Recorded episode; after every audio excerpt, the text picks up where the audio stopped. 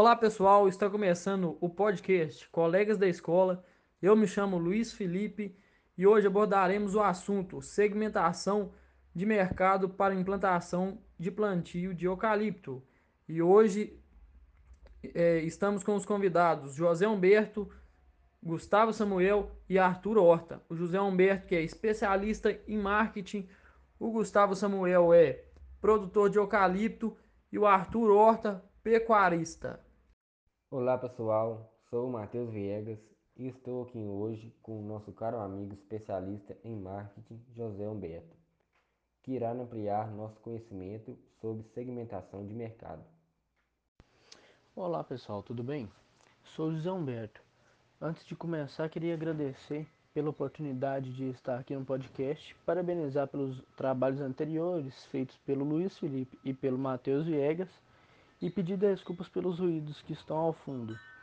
Estamos gravando online, virtualmente, já que é o período de pandemia e nós queremos preservar tanto a nossa saúde quanto a saúde de todos. Bem, falando sobre segmentação de mercado, eu posso passar um pouco do conhecimento que eu tenho para vocês. Primeiramente, segmentação de mercado é uma ferramenta que pode ser utilizada e deve ser utilizada por todas as empresas em todas as áreas. Essa ferramenta tem como principal objetivo dividir e facilitar os estudos do mercado no qual a empresa vai inserir um produto ou um serviço prestado. Trazendo para o meio rural, que vai ser tratado aqui hoje, que é a implantação de implantação não, que é a produção de carvão vegetal e a plantação de eucalipto para tal, nós podemos fazer a segmentação de diversas formas, utilizando essa ferramenta para ter uma segurança de que todos os investimentos terão retorno. Esse é o principal benefício da segmentação de mercado. Você não vai estar entrando escuro em um mercado desconhecido, você vai saber tudo sobre aquele mercado. Vai ser muito mais seguro, você vai ter um relatório a longo prazo, você vai ter uma economia mais controlada. Só vantagens que tem ao segmentar o mercado para estudos. Há diversos tipos de segmentação e eu vou decorrer mais sobre elas depois dos outros convidados, dar explicação de como foi feito os estudos para implantação das suas empresas e até mesmo as futuras empresas que eles criarão. É isso aí, José Humberto. Acho que deu para nossos ouvintes ter uma boa noção sobre a segmentação de mercado e sua importância. É, que seja para a empresa no meio do agronegócio ou não, é, a importância de seguir a segmentação de mercado para ter sucesso na produção. Estamos aqui agora com Gustavo Samuel. Gustavo, gostaria de saber como foi feita a escolha do local da produção de carvão vegetal. Quais os critérios que você utilizou para essa escolha? Então, primeiramente, é, como já foi apresentado, meu nome é Gustavo Samuel, resido no município de Felizlândia, localizado aqui no centro-oeste mineiro. E um dos principais motivos para ter feito a escolha aqui dessa cidade especificamente foi por ela estar localizado né, a grandes polos industriais, como o polo de Sete Lagoas, que só ao, ao redor dessa microrregião possuem cerca de 40 siderúrgicas, que é um número bastante expressivo. Outro fator é o termo de pessoal qualificado, né? Pessoas que trabalham com o carvoejamento, que geralmente são pais que passam é, as habilidades para o filho, que vão passando de geração para geração. E outra coisa que a gente tem que destacar é a importância do carvão no cenário mundial, não só brasileiro, né? porque tudo proveniente do aço, do ferro, tem relação direta com essa matéria-prima, que só em Minas Gerais temos 85% da produção brasileira, que, diga-se de passagem, já é a maior do mundo. É, o eucalipto se torna uma opção extremamente viável. É, o eucalipto, né, dizendo aqui que ele é a nossa principal matéria-prima, que já foi substituída, né, que antigamente as pessoas utilizavam de floresta nativa, mas o que hoje é proibido, que não deixa de ser utilizado ainda, infelizmente, mas eu afirmo que grande parte desse carvão já é proveniente de florestas plantadas, principalmente do eucalipto. E o eucalipto se torna muito viável, principalmente por atender pequenos produtores, né, que podem plantar e consorciar o eucalipto com pastagens para continuar com a pecuária, ou então seguir com outras culturas, é, limitando o espaçamento, coisa que o técnico responsável vai indicar certinho. Mas já tem vários trabalhos que mostram extrema produtividade para milho, soja, se lidado corretamente. Muito bom, Gustavo. Podemos observar que, de fato, a sua região é privilegiada para a produção de eucalipto, pois o eucalipto aí teve uma boa adaptação é, e, de fato, é muito mais fácil uma escoação, pois existem grandes empresas que necessitam do carvão para a produção de aço perto de sua região. E como você disse, existe mão de obra qualificada, que é de suma importância para ter o sucesso da produção. Nesse momento, irei passar a palavra para o nosso grande amigo e pecuarista Arthur Horta, que sempre esteve aqui conosco. Ele acha que sua região tem todos os parâmetros para o plantio de eucalipto e dá a falar um pouco sobre seu ponto de vista. Olá pessoal, tudo bem? Meu nome é Arthur Horta e eu e minha família possuímos uma fazenda na cidade de Marliere, na região do Vale do Aço. E através de análises feitas nos últimos anos, percebemos que nossa fazenda não está dando o retorno financeiro adequado e optamos fazer uma mudança. Adotaremos agora o sistema de pecuária floresta, na qual utilizaremos pastagem para alimentação do gado e plantio de eucalipto para posteriormente a produção de carvão vegetal. Bom, essa atividade na nossa região, que é o Vale do Aço, se torna viável, pois possuímos aqui grandes siderúrgicas, como a Usiminas e a Peran, que necessitam desse carvão vegetal para a alimentação dos altos fornos, para posteriormente fazer o ferro gusa e também o aço inox.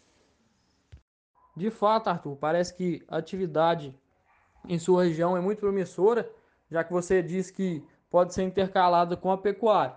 Isso ajudará ainda mais a renda da propriedade, tendo em vista que a propriedade tem a localidade perto de grandes empresas que necessitam do eucalipto para fazer o carvão. Então, José, você como analista de mercado de marketing, você acha que o ponto de vista dos entrevistados seria interessante? E como a segmentação de mercado iria selar o sucesso da produção? É interessantíssimo as colocações do, dos colegas. Podemos ver que estudaram antes de produzir e de introduzir empresa no mercado. É bom a gente ver isso acontecendo, que não é toda vez, toda vez que acontece, mas acontecendo a gente pode ter certeza que vai dar resultado.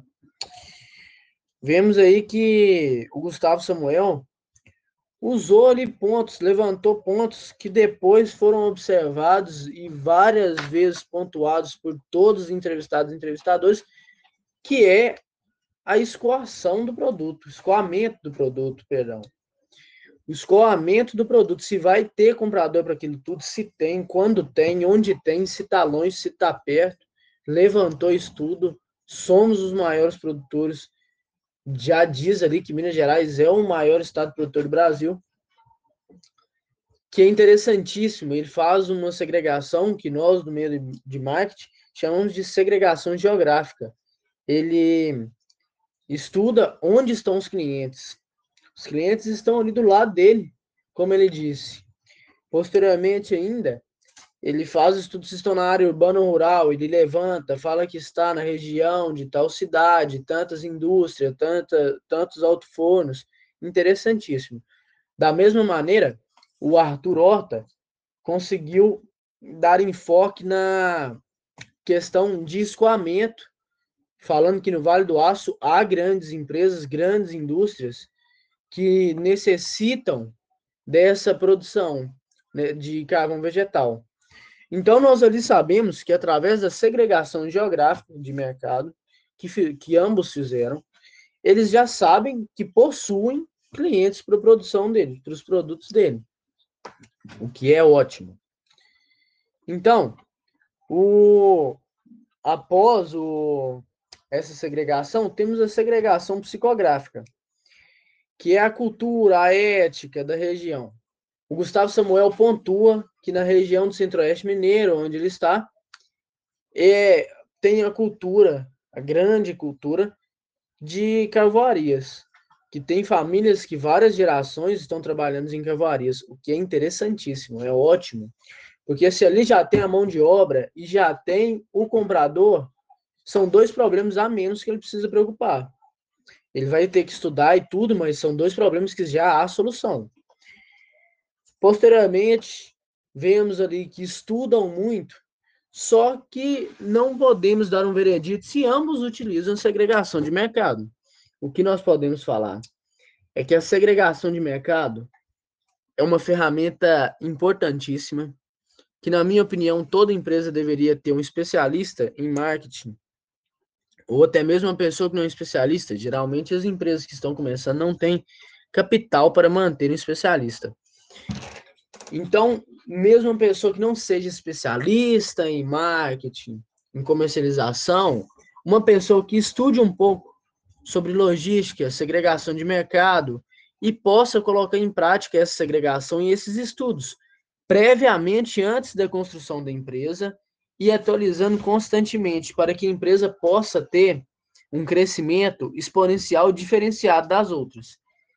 Ah, às vezes a empresa não quer crescer, quer continuar pequena, então deve haver os estudos para que, eh, com a segregação de mercado, para que obtenha todos os benefícios e a empresa consiga lucros maiores.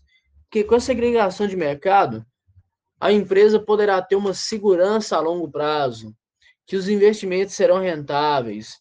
Segregação de mercado é uma coisa tão ampla que você vai dividir, é um estudo mercado, você só vai dividir em nichos, como eu disse anteriormente, o que é essencial para cada empresa.